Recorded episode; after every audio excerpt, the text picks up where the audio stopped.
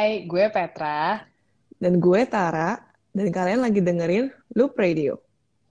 Hai semua, ini Halo. episode pertama kita ya, Tara ya? Benar banget. Em, kalau buat yang pengen tahu Loop Radio itu ngomongin apa aja, bisa denger langsung di description podcastnya ya. Di paling bawah tuh biasanya di pertama-pertama.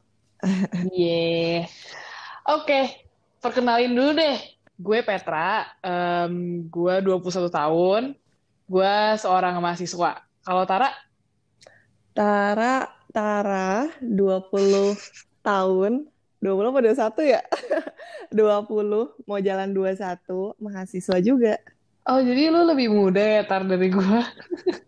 Gue 2000, Petra berapa? 99. Oh iya, Selama ini iya berarti. umuran. Iya, gue pikirnya seumuran loh beneran. Iya, ya udah deh. Ya Ya udah kan. cuma beda setahun sih, ya udah. Eh, eh. anyways, setahun juga. Ya udah gitu lah. anyways, untuk episode eh barusan neguk apa lu? Lu minum ya? Oh iya ya, kedengeran ya? Oh my God, oke. Kedengeran ya? Gak apa-apa. Em, buat episode pertama kita nih, eh, buat ngomongin eh, student life, career life, em, kita mau ngomongin soal ngerantau. Bener. Petra ngerantau? Merantau, Tara? Oh iya. Tara juga ngerantau, tapi sekarang lagi karena lagi pandemi jadi kayak kayaknya puasa merantau. Jadi Oke. Petra di mana ngerantaunya? Eh, gue ngerantau di Malaysia. Kalau Tara di mana ngerantau ya? Gue di Sydney. Jauh-jauh ya? Berarti Iya. luar negeri semua ini. Iya, tapi iya sih, maksudnya kebetulan kita eh, dua-duanya mahasiswa yang kuliah di luar negeri sih ya. Mm-mm. Maksudnya, Dan semoga tetap relate ya apa Iya, yang iya. kita bahas ntar. iya sih. Walaupun beda pasti cerita rantaunya sama anak in, in- anak Indo lagi, anak Mm. Indonesia, mahasiswa Indonesia yang ngerantau di beda pulau atau beda kota pasti sebenarnya bakal beda. Cuman at least ya ini cerita kita deh gitu ya. Iya, tapi gue yakin sih kayak semua orang yang ngerantau meskipun di satu kota tuh ceritanya tetap beda karena kan Iya. beda circle, beda kehidupan, beda cara cara hidupnya juga beda gitu. Jadi ini cuman mungkin sebagian dari dua orang yang ngerantau kayak perwakilan lah gitu ceritanya kan Iya, iya, untuk benar-benar. dibagiin gitu. Mungkin ada yang penasaran yang belum pernah ngerantau kehidupan anak rantau. Nah, mungkin ini bisa didengarkan bisa Iya. membuka insight baru, bener. Em, emang eh, Tara, jadi ke Tara kuliah di Sydney, terus sekarang posisinya gimana? Semester berapa? Eh, Tara kuliah di Sydney, itu kalau di tempat kuliahku kebetulan per trimester, jadi per tiga semester, dan ini udah yang terakhir, ntar mudah-mudahan Mei awal udah selesai, tapi graduationnya masih ntar sih, masih di Oktober, tapi udah selesai gitu. Kalau Petra gimana? Bentar, graduation-nya Oktober tahun ini, 21. Iya, bener. Graduationnya tahun ini, Berarti selesainya di bulan Mei. berarti lu lulus umur 21 ya? Betul. Tapi Iya. tapi program sekolah lu tuh kayak tiga tahun gitu. Apa gimana? Eh, tiga tahun kurang. Tiga tahun kurang kuliah. dua tahun sekian gitu. Oh, Kalau Petra gimana? gue sama sih kayak di Indo, eh 8 semester dan satu Mm-mm. tahun dua semester gitu sama. Ini lagi di semester berapa nih? Ah, gue lagi di semester 7. Oke. Oh. Berarti masih itu sampai berapa semester? Kan semester kan sampai 8 semester, Beb. Oh, Gue di oke. semester 7. Jadi Berarti satu semester lagi. eh, iya satu semester yang belum dijalanin. Sekarang lagi jalanin semester 7 gitu. Eh, sama kayak Indo, eh, karena ada skripsi kah? Hmm, sebenarnya nggak semua kuliahan ada skripsi sih di Malaysia. Eh, Mm-mm. em, tapi kebetulan eh, jurusan gue emang ada emang ada skripsi. BTW Oh, gitu. mahasiswa International Business Management. Kalau Tara apa? Eh, bisnis juga. Bisnis. bisnis doang secara bisnis. general. Jadi Bachelor gelarnya apa? Business. Iya. Bachelor of Business. Oh, kalau gue gelarnya Bachelor of Business Administration. Oh iya iya iya iya. Tapi lebih banyak uh, bisnis ad admin sih ya, gue denger ya kayak kalau digelar gitu. Iya ya, nggak tahu dah. Mm -mm. Tapi Nah terus lah terus apa? apa? Uh, terus kayak uh, tadi tuh skripsi, berarti lu di semester akhir ini lagi sibuk skripsi gitu. Mm-mm. Tapi Hmm. bedanya sama di Indonesia, kalau di Indonesia setahu gue tuh kalau misalnya ngerjain skripsi bisa satu semester doang gitu ya. Iya, gue kurang tahu juga sih lagi. Kayaknya sih ya, benar. Dan kayak ah, gimana? di Indo tuh yang gue tahu ya, kalau skripsian tuh kayak nggak ambil kelas gitu loh, kalau nggak salah. Oh iya bisa gitu bisa gitu gue inget kalau misalnya Mm-mm. emang lo udah kelar eh, SKS lo udah kelar gitu lo bisa cuman skripsian doang nggak harus Iya. eh, kelas. Nah kalau gue itu bedanya sama di Indo, gue itu skripsinya dibagi jadi dua semester. Jadi bab 1 sampai bab 3 dikerjain satu semester, terus bab 4 5 dikerjain semester depan gitu. Oh, dicicil gitu ya. Hmm, tapi eh, syaratnya sambil skripsi ya harus sambil kelas seperti biasa gitu. Oh gitu. Ya nggak tahu sih Mungkin apa. mungkin karena mungkin karena gue cepet gue nggak ada skripsi kali ya. Atau karena itu ngaruh ya. Soalnya gue nggak ada skripsi loh sama sekali. Tapi emang sering gitu kok, maksudnya kalau di teman-teman gue nih, kan gue kebetulan kuliahnya di UPM, itu Public University Mm-mm. di Malaysia gitu kan. Kalau teman-teman gue yang di private university juga nggak semuanya punya ini kok, nggak semuanya punya skripsi, Oh, berarti beda-beda. tapi durasinya tetap uh, sama nggak? Biasanya yang Dura- punya skripsi tiga setengah tahunan apa tiga tahunan gitu sih emang. Mm-mm, lebih cepat kan ya, benar-benar. Iya sih. Nah, kalau di kuliahan lo gitu ada program magang nggak? Kalau gue gue ada dan gue itu bedanya lagi nih sama di Indo. Ini tapi kampus gue doang ya. Kalau Iya. kampus gue eh, program magangnya itu di semester 8. Jadi 1 sampai 7 kuliah, semester 8 terakhir tuh 4 bulan tuh full magang. Magang minimal 4 bulan, minimal banget. Oke. Kalau lo ada magang Berarti Tar? ada, ada juga. Nah, kalau di tempat gue itu minimal magang tuh pokoknya dua trimester kita dikasih jadwal magang. Berarti minimal tuh enam bulan. Minimal magang enam bulan. Nah, abis tapi di tengah-tengah tuh kondisinya, di posisinya. Jadi kayak kuliah setahun, magang enam bulan, abis itu lanjut kuliah, abis itu selesai gitu sih. Oh, tapi magangnya disatuin gitu, 6 bulan full atau kayak 3 bulan Iya, disatuin. Oh, Jadi enam bulan full nggak ke kampus, udah kerja doang magang gitu. Terus eh, kemarin lo magangnya berarti udah lewat dong? Udah, udah, udah selesai. Waktu di Aussie kemarin ya? Mm-mm. Pas di Aussie, sebelum pandemi itu gue sempat magang.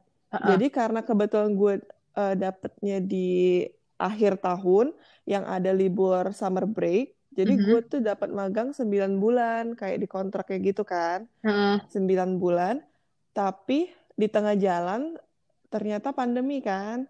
Oh, oke. Biasa, terus keluarga tuh yang udah kayak panik, pulang-pulang gitu kan. Nah, habis itu eh udah deh kayak izin sama kampusnya, izin sama company-nya juga, udah tujuh bulan soalnya kan, eh Mm-mm. dibolehin ya udah balik Mm-mm. gitu.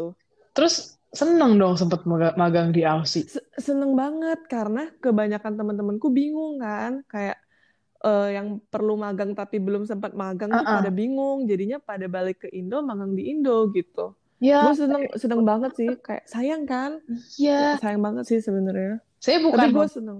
saya bukan meremehkan kayak eh, pengalaman magang di Indo, cuman kayak Bener. anak-anak yang kul- kuliah di luar negeri tahu sendiri emang pasti pasti ada kebanyakan ya, kebanyakan sih kepengen magang di negara perantauan ya karena emang pengen ngerasain gitu culture baru gitu. Bener. Lu Nah, kemarin magangnya di mana, Tar? gue di salah satu hotel di Sheraton Grand Sydney. Hmm, Itu tapi gue di bagian ininya, finance-nya gitu. oke. Nah, menariknya di tempat di sana gitu kan, Heeh. dia kalau pekerja yang eh, pekerja gimana ya? Kayak misalnya anak hospit, anak hospitality Mhm. itu dibayar.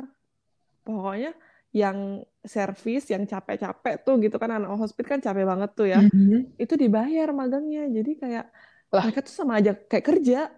Lah, Asik Lo seru nggak banget. dibayar, tapi Gue nggak dibayar unpaid karena kalau magang di bagian finance terus kayak perkantoran gitu yang tentang bisnis dia nggak bayar gitu.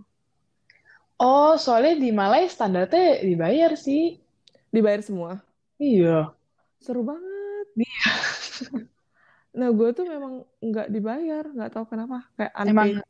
gitu kali ada dua jenis kali ya paid internship sama unpaid Iya, ya. bener. Nah, karena gue itu memang kan memang magang, terus gue tuh orientasinya cuman pengen ngerasain gimana sih kerja gitu kan di perusahaan yang udah ada nama gitu kan. Jadi gue ngerasa ya udahlah nggak apa-apa lah gitu. Tapi menariknya gue kan uh, bisa part time Oh di iya, Aussie. bener-bener. Jadi bener, jadi gue lima hari magang, sisanya part time gitu. Oh iya karena eh bentar lima hari magang sisanya part time maksudnya Sabtu Minggu. Eh, iya, Sabtu Minggu.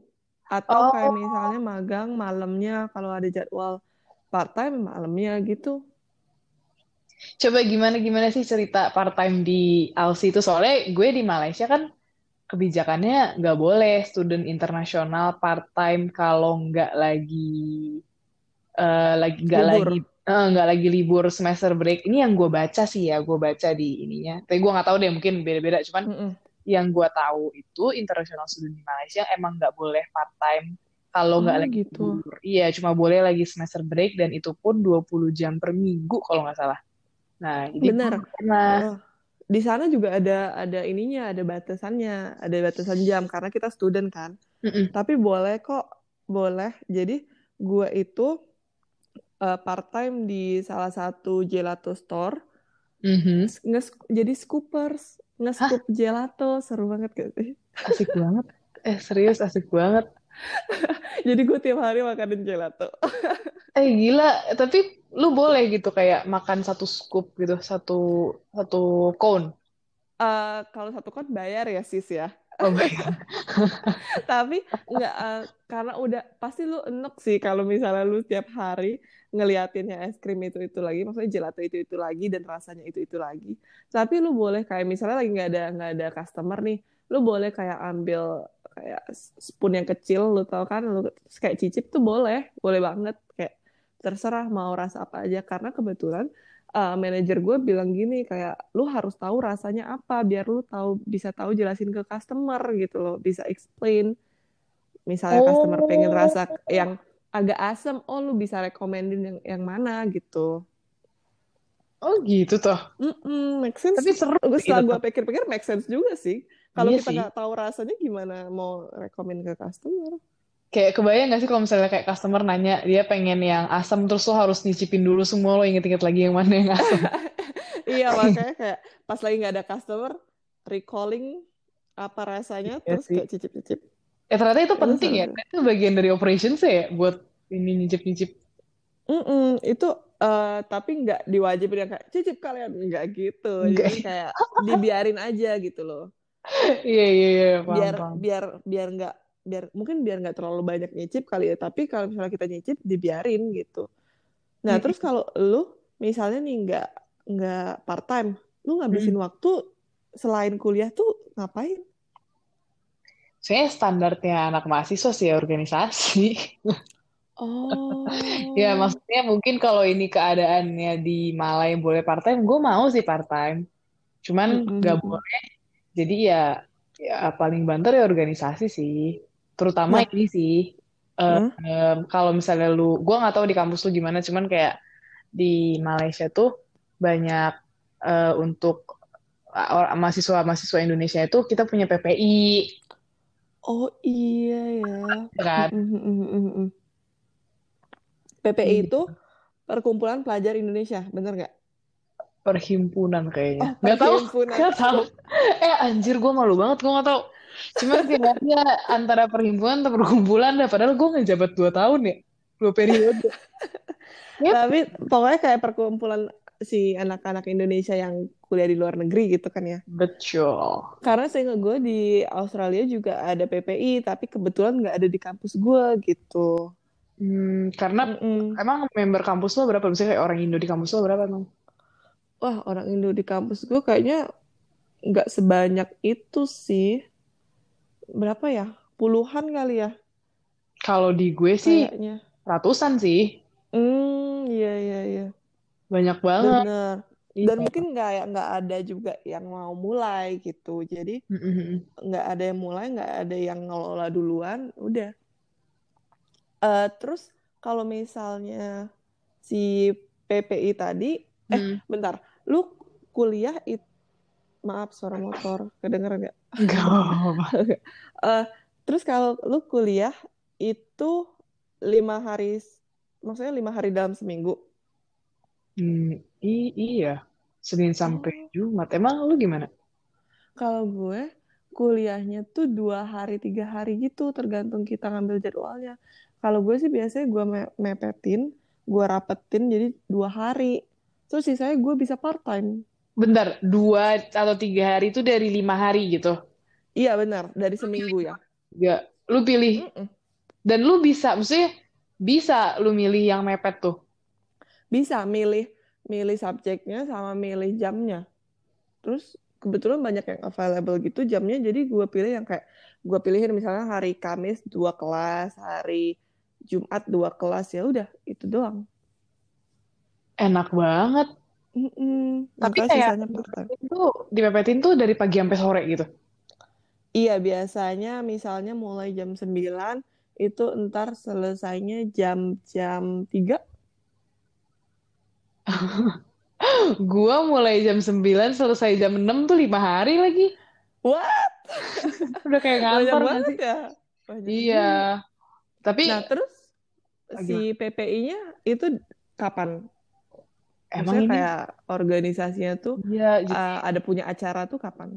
uh-uh, jadi kan biasa kan adalah pasti program organisasi PPI-nya emang ada. Terus gua kan gak cuma ikut yang PPI doang kan, gue ikut juga yang Hmm. anak internasional punya, terus gue juga ikut yang fakultas gue punya gitu kan. Jadi makin Hmm. lagi tuh Mm-mm. kuliah tuh misalnya mulai jam 9 gitu, terus udah gitu kelar jam 5, terus udah gitu sambung rapat biasanya. Kayak Oh. iya lagi nyiapin acara kah, kan per bulan tuh pasti ada acara dari PPI ada, dari yang fakultas ada gitu kan. Ya udah Mm-mm. apa tuh kalau yang fakultas rapat misalnya biasanya mulai jam 6 kelar-kelar jam 8 gitulah yang fakultas. Nih ini yang PPI nih. Kayaknya bisa relatable deh sama anak mahasiswa yang lain. Karena kayak kalau mahasiswa Indonesia eh, senang berorganisasi kan emang. Jadi kalau rapat tuh bisa bener-bener berjam-jam Dan sampai malam. Iya sampai malam. Gue waktu itu pernah rapat sampai jam, gue yakin banget ini dibandingin sama mahasiswa yang kuliah di Indonesia nggak ada apa-apanya banget. Tapi waktu itu gue rapat tuh sampai jam setengah 12 malam. Masih Oh. rame. Tapi setahu gue rapat anak Indo, yang mahasiswa Indo tuh bisa sampai subuh setahu gue ya. Nggak tahu sih. Bener-bener. Dan mereka itu banyak kegiatan. Nah ini gue menariknya gini. Eh gue ngeliat eh, negara-negara yang nggak boleh, maksudnya kita kerja, mereka lebih banyakin ke organisasi kayaknya ya. Mm-mm. Jadi Emang kayak di, biar di ini lu nggak ada? Di kampus nggak ada. Itu cuman organisasi palingan cuman student council Oh, dan dan nggak se maksudnya nggak sepadat itu jadwalnya kayak palingan kalau lagi ada acara graduation atau lagi ada acara tentang scholarship apa gitu baru eh, sibuk lah istilahnya. Tapi kalau enggak ya nggak ada acara yang seribet itu sih. Maksudnya sampai eh, rapat sampai jam setengah 12 sampai besoknya lagi itu enggak. Jadi gue ngerasa gini eh, kayaknya tapi ini dari dari gue dan teman-teman gue ya gue tuh kalau lihat kayak mahasiswa Indonesia itu kayak ya ampun asik banget ya organisasi gitu kan terus mereka tuh ngeliat kita kita tuh yang kayak ya ampun seru banget ya bisa part time gitu padahal sebenarnya mungkin eh, biar kita ada experience aja sih kayaknya Iya sih. bersosialisasi terus kayak Iya. ngelatih skill intinya sama sih kayaknya Iya sih, iya sih. Tapi kayak gak selamanya, maksudnya kalau ini dari pendapat gue sendiri ya, maksudnya gue yakin mahasiswa punya pendapat lain cuman nggak selamanya berorganisasi tuh seru gitu loh. Kayak gue udah dapet fase-fase di mana banyakan mumetnya banyakan malesnya. Udah belum kalau di kampus gue tuh eh kan kalau kampus gue itu hitungannya week ya. Week Yep. satu week dua. Kalau kampus lo gitu juga nggak? Sama-sama. Mm. ah sama ya? Nah terus biasanya nih masuk masuk week 6 week 7 eh enggak ding. Masuk masuk week 7 week, iya week 7 week 8 sama week 10 11 12 tuh udah banyak banget presentasi paper tes Mm-mm. iya jadinya kadang-kadang tuh emang mumetin banget kayak kepala mau pecah banget Iya, tapi mungkin itu bagian dari kehidupan kali ya. Soalnya gue juga si si part timer ini kayak gitu juga kalau pas lagi ketemu di saat misalnya gue lagi numpuk tugas tapi juga harus udah ada jadwalnya kerja ya mau nggak mau gitu kan. Nah, tapi mungkin itu skill yang bisa kita ambil sih kayak uh, Iya time managementnya, kayak Iya. handling the situationnya gitu sih. Mm-mm. Terus kalau Petra tinggal di Malaysia sendiri kah atau misalnya ada keluarga di sana? Kebetulan gue sendiri sih, dan even, maksudnya gue nggak tinggal sama roommate, gue tinggal di uh, apartemen sendiri, studio apartemen gitu. Oh. Eh, ke- maksudnya untuk saat ini ya. Kalau lu gimana? Di, Sama sih. Di Sydney gue gue tinggal ada beberapa fase. Ada gue yang tinggal sama teman-teman gue gitu kan. Maksudnya satu Mm-mm. apart tuh eh, berapa orang gitu kan, berapa kamar gitu. Mm-mm. Tapi ada fase di mana pas magang teman-teman gue tuh pada pada keluar dari Sydney gitu, pada pengen nyobain kota baru. Jadi gue terpaksa kayak tinggal sendiri di mana lu tinggal sendiri ya tapi? di di apart juga, kayak pindah apart doang gitu, Oh, tapi, lokasi. Tapi oh, masih di Sydney, sekitar Sydney. terus gimana? Kayak di, hidup sama housemates, sama hidup sendiri tuh gimana? Lu sukanya gimana? Nah, itu kayak kalau kita hidup sama orang, mungkin banyak yang relate yang kayak ngekos atau gimana, maksudnya mungkin Mm-mm. ada yang eh, ngerantau tidur tempat keluarganya, tantenya, kakeknya gitu Mm-mm. kan. Itu kita harus ini ya, menurut gua kayak lebih eh, apa ya sebutannya? Kita tuh harus lebih kalau tinggal sama orang lain, kita tuh harus ngerti adaptasi ibaratnya tuh ya. Mm-mm. Eh, sifat ini orang gimana, sifat gue Mm. gimana. Toleransi kayak gitu ya. toleransi bener ya Allah. Terus kayak ketemu di tengah-tengah gitu loh. Kayak misalnya Oh iya benar. Gue orangnya rumahan banget, terus temen gue nih hobinya keluar banget. Ya udah, ntar ada waktunya gue nemenin dia keluar, ada waktunya udah kita istirahat di rumah gitu sih. Nah kalau tinggal sendiri itu lebih ke suka-suka gue gitu. Iya, banget banget. kayak suka-suka gue, terserah gue mau gimana. Gue Iya, pengen iya. di rumah seharian ya gue di rumah seharian gitu. Iya Nah sih. kalau Petra gitu kan, Iya, karena tinggal sendiri ya. iya. Terus ti- gue tinggal sendiri sekarang berarti udah gara-gara kemarin setahun di Indo, terus gue balik lagi ke Malai, berarti ya hitungan kasarnya udah tiga tahun lah, dua setengah tahun, tiga tahun gue tinggal sendiri. Terus emang ada sih fase-fasenya gue kesepian gitu, pengen, iya. iya pengen punya housemate, pengen pindah apart terus nyari housemate. Cuman em gue inget lagi kalau tinggal sendiri tuh bener-bener bisa seenak jidat banget sih. Mm-mm, benar. Iya, Nah ada momen kangen orang tua nggak? banget Homesick sih. gitu. Apalagi tinggal sendiri sih. Kayak iya sih homesick sih. Momen-momen kayak gitu sering. Aduh, gue aja cuman two hours flight away ya. Apalagi lu gimana tar? Kayak jauh 10 jam. Eh, itu kalau homesick ya gimana ya? Gue kayaknya kebanyakan homesick tuh pas kita lagi capek-capeknya nggak sih? Kayak Mm-mm. tugas banyak, kerjaan ribet, kayak Mm-mm. ada aja maksudnya tuh dunia ini ada aja mau mau nantangin gitu kan. Itu Mm-mm. pas homesick banget sih. Kalau gue sih homesick ya udah ditangisin aja. Oh, Besoknya juga harus kerja lagi gitu kan. Iya, sedih banget. Mm-mm. Iya, iya gue juga kalau homesick kayak gitu sih. Paling iya dinangisin aja terus udah gitu call, video Mm-mm. call gitu-gitu doang. Tapi Mm-mm. gue bisa pulang kak maksudnya gue pulang tuh cuma dua jam lu kan kayak jauh banget ya Iya, tapi itu dia setiap per tiga bulan kebetulan alhamdulillah mama gua, mama papa gue tuh orangnya baik banget dan mereka tuh tipikal yang kayak pokoknya kalau lu libur lu balik deh gitu kayak oh iya mm kalau lu libur mau dua minggu lu balik deh sempetin balik kayak kapan lagi mau kumpul sama keluarga? Gitu mereka tuh selalu kayak gitu. Jadi tiap Supportive tiga bulan mm-mm, tiap tiga bulan gue balik deh jadinya. Padahal teman-teman gue kan ada yang lu tau lah teman-teman kita maksudnya nggak cuman yang Indonesia tapi yang kayak di teman-teman orang lain tuh ada yang bener-bener dari awal ngerantau sampai sekarang tuh nggak balik-balik. Iya iya iya. Iya gue punya temen kayak gitu Iya kan, yang kayak memang didedikasikan untuk merantau dan mencari kerja gitu-gitu. iya Nggak balik, bener-bener yang kayak liburan tuh malah nyari kerja gitu loh. Kayak, Mhm. kebetulan gue Iya. sih anaknya orang keluarga banget gitu kan, anak mama papa banget, jadi udah balik tiap Tapi- liburan balik. ortu gue juga ini gue dari Malaysia btw kan gue asal Bandung ya Oh iya, dari Malaysia ke Bandung cuma dua jam dan ada direct flight maksudnya gue nggak harus ke Jakarta dulu orang tua gue nggak harus ke Mm-mm.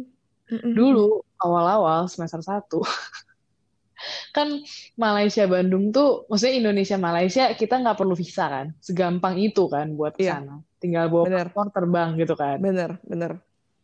dulu awal-awal tahu nggak sih gue didatengin dua minggu sekali Demi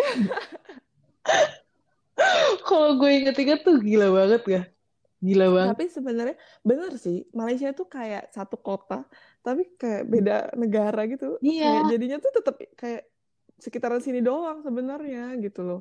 Tapi karena pakai paspor jadi kesannya jauh. Kesannya kayak jauh banget gitu dan Iya. bahasa gitu jadi kesannya jauh padahal segitu-segitu aja dan jadi nyokap gue bokap gue gantian kayak dua minggu lagi nyokap gue terus nanti dua minggu lagi bokap gue tapi itu gue nggak minta mereka aja Mm-mm. kayak nggak bisa ngelepas gue gitu Ah iya. Eh, Jadi mereka Petra anak keberapa dari berapa bersaudara? gue anak pertama dari dua bersaudara tapi gue sama adik gue bedanya 10 tahun Oh my God. jadi gue pernah tunggal lama lo gimana Oh mungkin karena itu ya jadi kayak eh, bokap nyokap juga jadi kayak Petra jangan pergi gitu. Kalau gue si bungsu, gue anak kedua dari dua bersaudara. Jadi kayak oh, oh dan pantes anak cewek. Eh, Boleh eh, balik tiga bulan abang gue sama gue. Jadi kayak si anak cewek ini paling kecil mau keluar negeri sendirian gitu kan. Tapi ya belajar hidup tahu ya kan. Iya, Lo iya. ngerasa nggak sih merantau tuh Iya. bukan belajar knowledge-nya, knowledge itu sama aja di mana aja bisa, tapi Iya. kayak belajar hidupnya itu. Iya, kayak maksudnya kuliahan ya sama-sama aja nggak sih kurikulum sekarang tuh udah open access banget kayak apa pun yang lo pelajari di Google juga bisa. Cuman Bener, belajar ngerantau tuh belajar hidup sih emang. bener, bener. Belajar hidup terus. Oh iya, ini budgeting, lu gimana? Oh iya sih, wah kalau gue ketat sih. Lu gimana? Gue kayaknya santai sih, nggak seketat itu. Lu gimana? Ketatnya tuh gimana? Ketatnya tuh jadi bokap gue kan ngasih. Mm-mm. Nah, Bulanan ya? yang yang bikin ketat tuh gini, bokap gue kan kalau misalnya lo tuker-tukeran kurs, kalau per bulan lo tuker-tuker tuh, maksudnya bokap gue punya kebiasaan kurs lagi turun dia nuker banyak gitu. Oh iya, benar-benar dibanding kayak tiap bulan yang kursnya tuh Iya. beda-beda, kadang naik, kadang turun, benar-benar. Iya, jadi dia tiap kali kurs turun dia nuker banyak, terus udah gitu eh, biasanya dia ngasih gue tuh per semester. Mm-mm. Gue tuh ngiritnya, ngi, maksudnya gue lumayan ngirit lah karena dari apartemen gue ini ke kampus tuh gak ada bus, gak ada bus kot, maksudnya gak ada bus yang langsung gitu, bus yang di depan Oh, public transport gitu ya, nggak ada ya? ada langsung ke kampus. Nah, awal-awal pas ini apartemen masih sepi, masih belum banyak anak Indonya, gue tuh nungguin, maksudnya gue jalan kaki tiap hari tuh bisa 900 meteran ke halte bus terdekat, cuma karena gue Oh pengen naik bus gratis. Kenapa lu ambil apart di situ? Iya, karena jadi yang punya apart ini tuh dosen kampus gue, misalnya dia owner owner room gue ini tuh dosen kampus gue. Hmm. Tapi dia ngajar gue dari fakultas lain. Terus nyokap gue pas ketemu tuh kayak wah tenang banget ini sosoknya keibuan. Jadi dia pengennya gue di Oh. iya gue ditaruh di apart ini. Cuman ya gitu. Jadi kalau misalnya lu telat, lu gimana? nah kalau telat ya mau nggak mau gue naik grab lah ya. Hmm. tapi sekali grab ke kampus sekitar berapa ya? Kayak em, 8 ringgit 8 ringgit ya 25 ribu lah katakan grab ke kampus sekali grab tuh 25 ribu. Tapi itu jaraknya deket banget. 25 ribu tuh kayak cuman 5 kiloan 4 kilo lah. Oh, 3 dan 4 lu kilo. harus PP berarti kan ya? iya. 50 ribu. nah tapi gue cara budgetinnya gue budgetin sehari kayak aduh maks kalau bisa sehari naik grab sekali aja deh. Antara pulangnya aja atau perginya aja Oh, iya, gue iya, iya, iya. naik bus aja busnya gratis cuy Oh iya, busnya gratis lu kayak ada kartunya gitu kah? Atau pakai karcis? enggak enggak emang gue gratis Oh, tinggal naik doang gitu? iya tinggal naik doang terus Turun tinggal turun? iya terus gue Oh. jalan kaki deh Oh iya. makanya nah padahal ortu gue tuh udah ngasih budget pulang pergi ya naik grab tiap hari cuman gue mau mengirit Oh, dari elunya aja gitu. iya gue Terus mau lu borosnya di mana? kalau gue kayak gue paling di ngopi sih. Gue demen ngopi kan. Setiap hari harus ngopi. Tapi setiap weekend hampir setiap weekend ngopi keluar. Jadi itu udah pasti. Ngafe gitu maksudnya. ngafe. Brunch. Hmm, terus yap, yap. em, traveling sih. Oh, lu jalan juga. Pergi ke mana? Lib maksudnya kayak liburan gitu, nyari tempat baru, nyari suasana Uh-uh. baru. Oh, duit yang gue ambil dari jalan kaki 900 meter buat naik bus gratis itu gue pakai buat jalan-jalan kalau misalnya Erasnya lagi ada promo gitu tapi bagus sih, maksudnya menarik karena karena nggak semua orang, ter- contohnya gue nih, bisa lu- nabung. Gue nggak bisa Eh, nabung. lu lu gimana lu gimana tipe budget Nah, lu? Kalau gue kan gue dikasih dijajan nih Hmm. bulanan dan nggak tentu gitu kayak ya serejekinya nyokap bokap gue gitu kan. Terus pas udah dikasih biasanya gue simpan itu duitnya kayak gue nggak pakai gitu kan. Nah gue mak- malah pakai sehari-hari duit dari si part time itu gitu. oh Karena gue punya part time. Terus eh, misalnya part time nih seminggu misalnya 400 400 dolar misalnya. Udah tuh gue jajan pakai 400 itu seminggu. Terus kalau misalnya kurang kurang 50 dolar atau apa baru gue ambil dari si ini si yang nyokap bokap gue kasih ini. Udah Oh, gitu berarti- terus. tapi uang part time lo cukup ya buat ngidupin lo Cukup cukup paling kurang itu kalau misalnya eh, lagi cuaca nggak bagus namanya gelato kan tergantung cuaca ya. Misalnya Ah. cuaca nggak bagus terus atau eh, lagi pokoknya jadwalnya lagi dikit deh gitu kan. Nah itu baru gue oke. Bentar, gue tertarik sama yang tadi gelato tergantung cuaca itu gimana ceritanya? Kan kita jualan gelato. Heeh. Kebetulan kita tuh di area pantai gitu Oh. kan, di wharf gitu kan, di kayak ada pelabuhan, ada pantai gitu. Oke. Jadi itu ter- bener-bener tergantung cuaca. Kalau misalnya hujan, ya sepi gitu. Dan Oh, misalnya yang ha- harusnya tadinya butuh tiga staff, karena hujan ya udah satu staff aja kita di cut cut off kayak gitu, kayak Oh, jadi usah bisa dateng gitu. lo bisa tiba-tiba di cut off gitu ya? Bisa, bisa, bisa banget. Jadi kayak misalnya gue misalnya Oh. malam nih, terus tiba-tiba paginya kayak manajer gue kayak ini cuaca nggak bagus, lu nggak usah datang ya gitu. Bisa gitu. Oh, terus Karena kayak iya iya. gue posisinya uh, casual. Jadi ada Ah. tiga tiga jenis kerjaan di LC, Ah. casual, casual job, part-time Ah. job, sama si full-time job. Kebetulan si casual ini rosternya itu per minggu.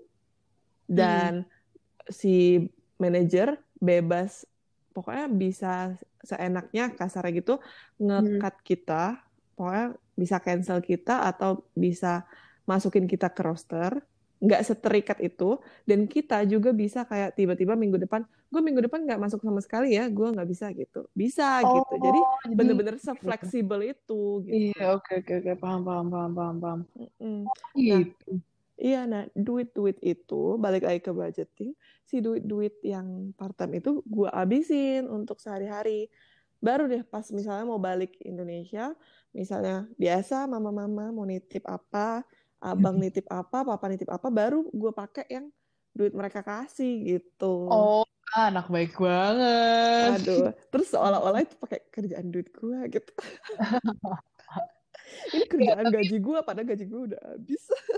Iya ya, tapi kan habis sama hidup lo nggak sih? Misalnya kayak hidup Benar. makan. Mm-mm. Tapi emang lo bandelnya ke mana deh kalau misalnya duit? Ke brunch, makan. Soalnya gue kalau stres udah pasti makan. Makan. Tapi lo udah bener brunch ya? Enak, enak banget brunch, seneng banget.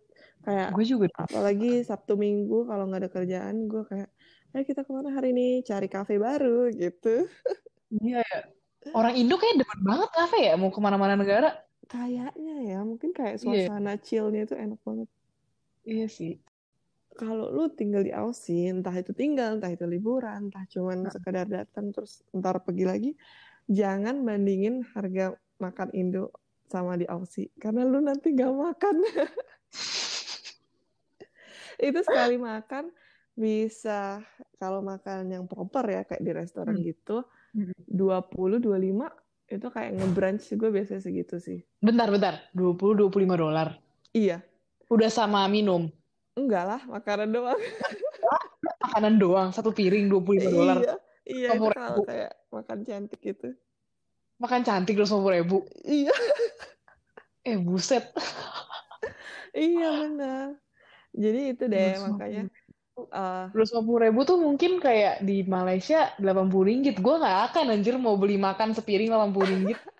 Nah, nah uniknya eh, gue tuh seneng banget daging. Jadi gue sama teman-teman gue tuh biasanya nge-Korean barbecue gitu kan. Itu Oke. kalau all you can eat-nya tuh bisa 40. 40 sekali makan. Iya. Kayak Tapi itu jam berarti, untuk lo puasa dari pagi nggak sih itu anjir? Pokoknya kalau misalnya udah udah tahu udah mau eh callback nih, udah udah siap-siap deh, udah mau nggak misalnya bul satu bulan kita targetin misalnya dua kali deh gitu. Eh, Terus sebulan dua kali sekali makan 4 juta tuh udah enggak 4 juta, eh 400. 4 juta 400 400 ya. Tapi Iya, kan aja gile. itu dia. Belum nih ya. Belum kalau ulang tahun. Lu traktir teman-teman lu kan. Terus kayak Idi, lu merantau pakai segala traktiran gile. tapi itu itu dia tergantung tergantung lingkungan masing-masing. Sekarang gini, kalau misalnya lu tiba-tiba diajak traktiran gitu kan sama teman-teman lu, nggak mungkin lu ulang tahun diem-diem doang. Iya sih. Iya Iya sih. kan? Makanya kayak ya sudahlah gitu. Nah, itu dia makanya eh, kalau ke Sydney Sydney sih karena Sydney mahal banget. Jangan Iya sih. bandingin deh harga makanan yang Sydney sama Indo. Iya, iya. Sayang Itu nanti lu nggak makan. sih. Sydney emang salah satu kota termahal sih. Benar, Menurut tapi itu dia uniknya karena gaji di sana kan juga gede. Mhm. Jadi setara sama pengeluaran gitu sih menurut gue. Tapi kalau misalnya di Australia nggak rupiah kayak mending gak usah dah. iya, iya bener. Kayak gue awal-awal kayak "Eh, ini berapa ya? Karena karena gampang juga kan sepuluh ribu jadi langsung kali gila mahal banget, gila mahal banget. Tapi kalau kayak gitu terus nggak Iya, bisa, nggak nggak kebeli iya, iya. apa-apa gitu.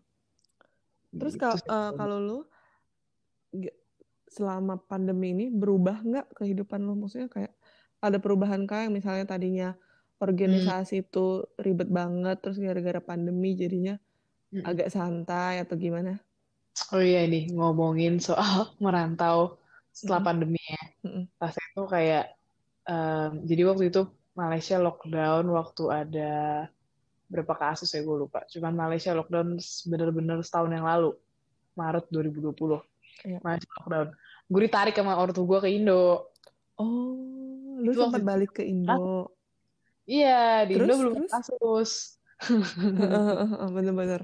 Terus? Dari Filipino nggak sih? Di Indo waktu itu belum ada kasus. Terus udah Iya. gitu, gue pulang ke Indo, Malaysia nutup tuh border buat student semua.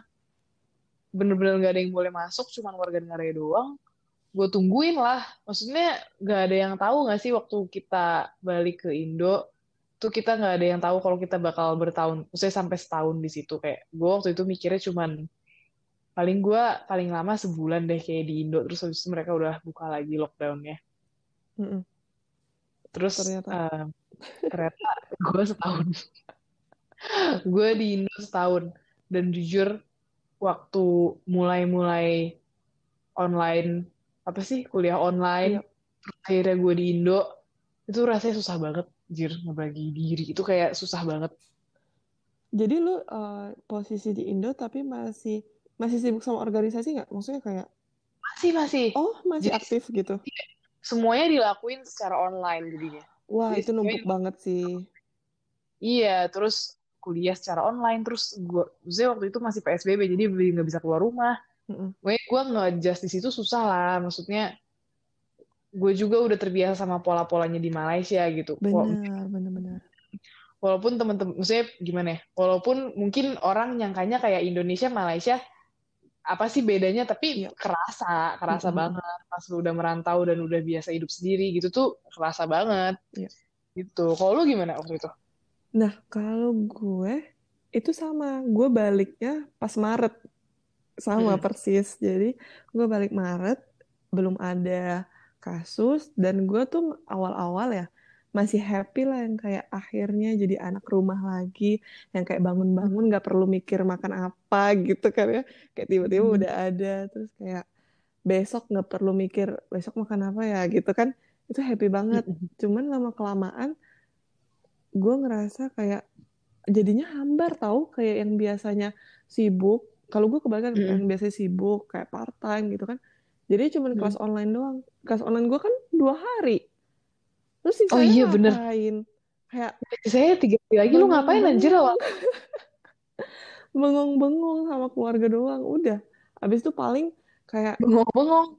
Kalau week udah masuk week gue sibuk-sibuk tuh week 7, week 8 gitu kan. Udah okay. sibuknya baru deh itu yang kayak oke okay, sibuk gitu. Tapi kalau enggak ya enggak ada. Gue juga enggak, maksudnya gini ya, awal-awal gue ke Indo juga gue nggak ada pikiran apa gue cari kerja ya? Kayaknya nggak ada deh di karena di saat-saat itu kan orang malah uh, ini semua kayak nggak ada dapat kerjaan semua kan malahan. Jadi gue kayak ya udah deh ngeri juga kan mau kerja gimana keadaan kayak gini udahlah stay di rumah. Jadinya jadinya hambar gitu nggak ada kerjaan cuman du, apa kelas dua hari doang udah Ya ampun, dua hari ya? Gue baru kepikir ya, lu kan biasanya selama ini part time, terus gitu sekarang lu cuma kuliah online dua hari. Bener, nah makanya kemarin akhir-akhir ini udah kayak, udah akhir-akhir inilah gue kayak nyari apa ya kesibukan gue ya, kayaknya gue gak bisa deh gini terus maksudnya kayak ya, nyari kesibukan lah yang yang bermanfaat gitu, yang berfaedah gitu kan. Gue ya, akhirnya ya, ya. Uh, ini sih daftar beberapa volunteer gitu.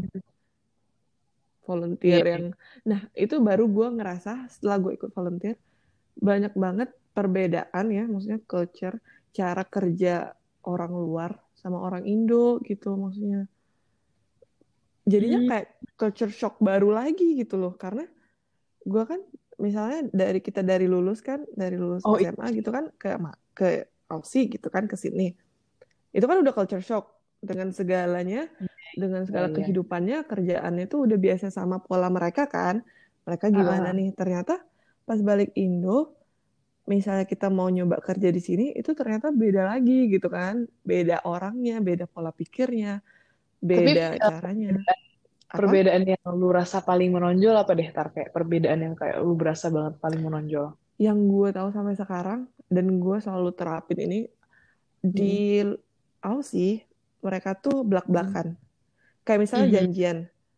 Uh, janjian misalnya besok. Eh kita besok meeting ya jam 8 bisa nggak pak? Lu pada mm-hmm. gitu kan. Mm-hmm. gue bisa. Nah mereka tuh yang kayak gue bisa bisa.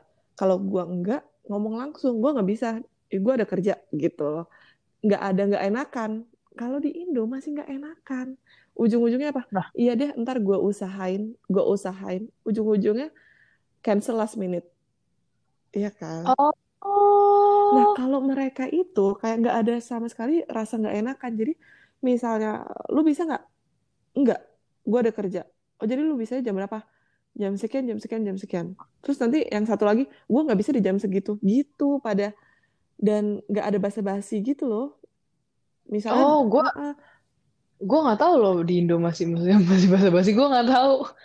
kalau gue ngelihatnya di industri kayak gitu masih ada unsur Oh, nggak iya. enakan. Nggak tahu ya apa lingkungan gue ya gitu. Ada unsur Nggak, tapi ini enakan. lo volunteer sama orang Indonya sama orang Indo seumuran lo, Tar? Iya, yang sama-sama Oh, kayak kita lah, oke. yang kayak kuliah-kuliah semester akhir gitu. Nah, apa nggak tahu ya apa karena lingkungannya atau apa tapi bukan cuma di volunteer itu doang gue ngerasanya kayak di kehidupan pun kayak gitu kayak misalnya janjian nih oh iya deh ntar gue kabarin nah itu paling banyak tuh Oh iya ntar gue deh gue kabarin. kabarin padahal maksudnya kalau lu nggak mau ya bilang aja nggak mau lu Iya. nggak bisa bilang aja nggak bisa toh Oh ujung-ujung iya. ntar gue kabarin gue kabarin nggak bisa juga gitu kan Iya ya, cuma menunda kabarnya doang ya. Nah itu Padahal iya. pas balik Indo jadi culture shock baru gitu. Kalau lu apa nih? Oh. Maksudnya semua orang kan bilang Malaysia Indo ah sama aja, mirip-mirip Hmm. aja gitu kan. Nah, yang lu lihat perbedaannya tuh apa kayak beda banget?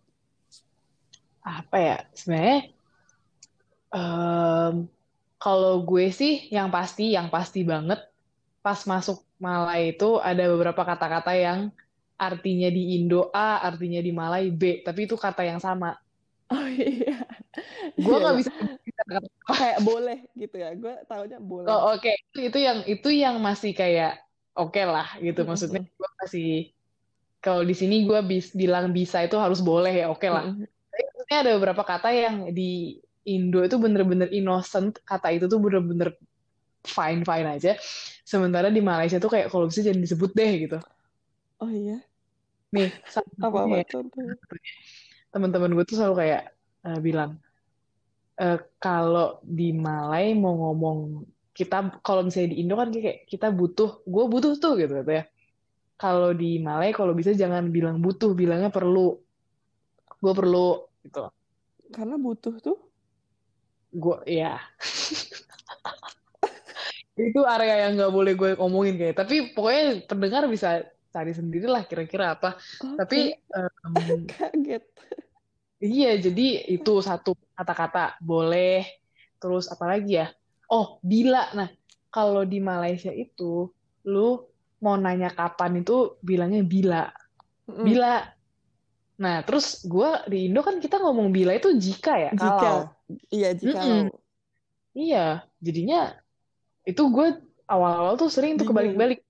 Iya bila jika bila bila kayak bila gitu.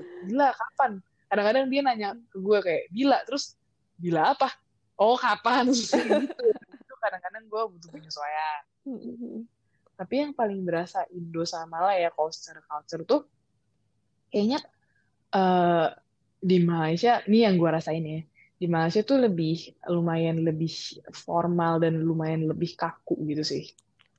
Oh, nggak secil di Indo gitu. Enggak kecil di Indo. Setelah maksudnya kayak semua lika-liku lu ngerantau, lu ngerasa worth it gak sih? Worth it sih, worth it, Mbak. Maksudnya gini, emang terutama kita keluar negeri nggak sih? Jadi satu biaya lebih gede dan kedua em, lebih lebih beda, jauh lebih beda gitu merantaunya kan. Mm. Cuman harus gue bilang eh, nggak kehidupan merantau ke luar negeri itu emang nggak buat semua orang gitulah. Gue Bener. harus bilang itu dulu, disclaimer ya kayak eh, emang itu bukan buat semua orang. Tapi setelah apa yang gue jalanin, gue seneng banget sih gue ngerantau ke luar negeri. Bener. Nah, Kalau gue lo gue ngerasa ya kalau ngerantau nggak tahu lu sama atau nggak yang harus disiapin duluan mental nggak sih? Mm-mm. Kayak kalau mental lu udah bulat dan niat lu udah tahu niat lu apa, lu bakal eh, stay on the track kayak itu. Kayak Mm-mm. lu bakal tetap di situ dengan tujuan lu apa. Karena mungkin banyak ya kayak kisah-kisah anak rantau yang ujung-ujungnya mungkin ya gimana mungkin ada yang kayak beberapa temen gua ya dari kota lain negara lain itu malah nggak selesai karena misalnya keasikan part time jadinya Time. Uh-uh, jadi kuliahnya nggak selesai. Nah, intinya mungkin ada juga beberapa orang tua mungkin yang takut anaknya ngerantau, ntar kenapa-kenapa sama teman-temannya gitu kan. Sebenarnya balik lagi ke niatnya si si Hmm. anak itu, niatnya kita masing-masing gak sih? Kayak kalau niat kita dari awal udah kuliah, terus kayak udah nyelesain kuliah, nah nambah nambah teman, terus nambah pergaulan dan nambah ilmu, bakal stay di situ sih kayaknya. Iya sih. Dan Iya gue sih, gue worth it kok. Gue ngerasa Iya. kalau untuk knowledge mungkin sama aja sama kayak di Indo. Tapi untuk pengalaman, terus kayak cara berpikir, ketemu orang baru, dan dari culture shock yang udah dialamin itu banyak banget worth it-nya. Dan ya Iya. untuk hidup tuh, wah, gue ngerasa hidup gue sih. seistimewa itu sih, parah. Gue ya gue gue paham banget. Tapi emang iya sih kayak em, waktu gue awal-awal sebelum gue ke Malaysia nih bokap gue sempet bilang yang lo omongin tadi kayak bokap gue bilang kayak gue tuh ke Malaysia kalau masalah apa yang dipelajari kampus tuh ya udah sama-sama aja bisnis apalagi bisnis ya nggak sih? Kayak Betul. gitu ya gitu-gitu aja. Lu sering gak sih Cuman- dengar kayak ngapain sekolah bisnis jauh-jauh ke Malaysia? Gitu? Iya iya iya iya, iya. Iya, itu gue denger tuh. Tapi em, bu- terus bokap gue bilang kayak eh, eh, ya apa yang dipelajari itu sama-sama aja. Cuman lu tuh nanti kalau lu keluar negeri lu terbiasa dengan cara berpikir global. Dia Benar. bilang gitu kan. Terus waktu itu awal sebelum gue ke Malaysia tuh gue mikir kayak ah, apa sih maksudnya berpikir global nih? Global, berpikir global itu paling kayak cuma ngomong dalam bahasa Inggris gitu. Gue mikirnya gitu doang, kayak hidup dalam bahasa Inggris. Mm-mm. Tapi pas udah ke Malaysia baru sih gue setelah udah ketemu dari orang dari berbagai negara, kerja sama orang dari berbagai negara, itu baru sih gue berasa kayak ternyata berpikir global tuh kayak beda lagi, bukan pakai bahasa Inggris. Oh, ngerti sih? Sama sih. Eh, tapi kalau si bokap gue, papa tuh selalu bilang kayak lu jangan maksudnya kalau bisa pergi dari rumah pergi dari rumah. Maksudnya bukan diusir ya maksudnya kayak pergi Hmm. sejauh-jauhnya karena itu bakal numbuhin lu jadi orang yang jauh lebih baik juga. Nah gue tuh nggak ngerti nggak ngeh gitu loh kayak apaan sih gitu ya namanya bocil kan zaman dulu. Tapi setelah semua yang dilewatin wah itu ditempanya kuat banget sih. Iya sih. Walaupun gue yakin tiap orang yang rantau itu kisahnya beda-beda. Mungkin kita tuh yang bagian enak-enaknya doang. Mereka ada yang lebih susah, ada yang kayak sampai kerja untuk ngehidupin, untuk biaya kuliah juga banyak. Jadi gue ngerasa pasti semuanya tuh ada ceritanya masing-masing gitu. Tapi worth it Iya. sih. Kebetulan kita punya dua orang tua yang lumayan suportif ya. Bener, itu dia. Bersyukur banget. Tapi ini cerita kita, maksudnya ini cerita kita buat para pendengar ini cerita kita merantau di luar negeri ya. Gue yakin Bener. beda lagi ceritanya kalau ngerantau di Indonesia, Benar. apalagi tingginya beda lah culture-nya. Walaupun tiap culture Indo bagian Indo tuh pasti beda-beda banget, cuman kayak beda lah gitu. Mungkin nanti ntar kapan-kapan kita bisa undang temen kita yang ngerantau di Indo terus kita kayak compare gimana nih ternyata kalau jadi anak rantau di Indo seru kayaknya. Iya, kayak penasaran juga sih ya. Mm-mm. Saya cerita-ceritanya suka suka kocak-kocak gitu sih. Iya dan surprising kayak gitu gak sih kayak ternyata mungkin kuliah di Indo tuh gimana yang kita nggak tahu gitu kan Iya bener. menarik sih. Iya. Yaudah deh, kita sudah di penghujung pembicaraan. Bener. Thank you banget udah pada dengerin. Bener. Terima kasih banyak. Udah seru banget. Sangat seru. Semoga percakapan gue sama Tara ini bermanfaat buat kalian, terutama yang masih anak SMA nih, masih mau kepikiran ngerantau, atau yang udah kuliah di Indo terus mau ngerantau buat S2-nya Oh mungkin iya gitu. bener. Banyak banget itu. Banyak yang mau. Iya, makanya kayak semoga bermanfaat buat kalian, walaupun kita nggak ngebahas yang dalam-dalam banget, tapi kayak Bener. kita ngebahas. Ini garis luarnya, garis besarnya, dan semoga yang mau ngerantau, yang lagi tes apa pun itu, yang berhubungan sama ngerantau, semoga dilancarin selalu, Mm-mm. dan Amin. diterima baik sama negara rantaunya atau kota rantaunya. Oh, semoga urusan visa lancar. Oh iya benar, urusan visa, urusan perpindahan, semoga lancar. Iya. Itu doa gue paling tinggi. ya. Semoga urusan visa lo lancar. Terus lo Benar. mau ke mana, semoga visa lo lancar. Bener, bener, bener banget. Dan semoga sehat selalu di masa-masa kayak gini. Paling Stay penting. safe, Bener, jaga jarak, tetap cuci tangan, pakai masker, jangan lupa. betul. Pendengar. Betul banget. Bye, guys. Thank you semua. Jangan lupa Bye. dengerin episode selanjutnya ya. Tetap di Loop Radio. Dah. Bye.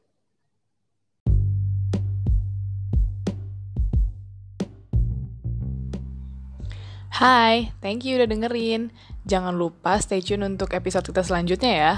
Jangan lupa follow Instagram kita juga. See you.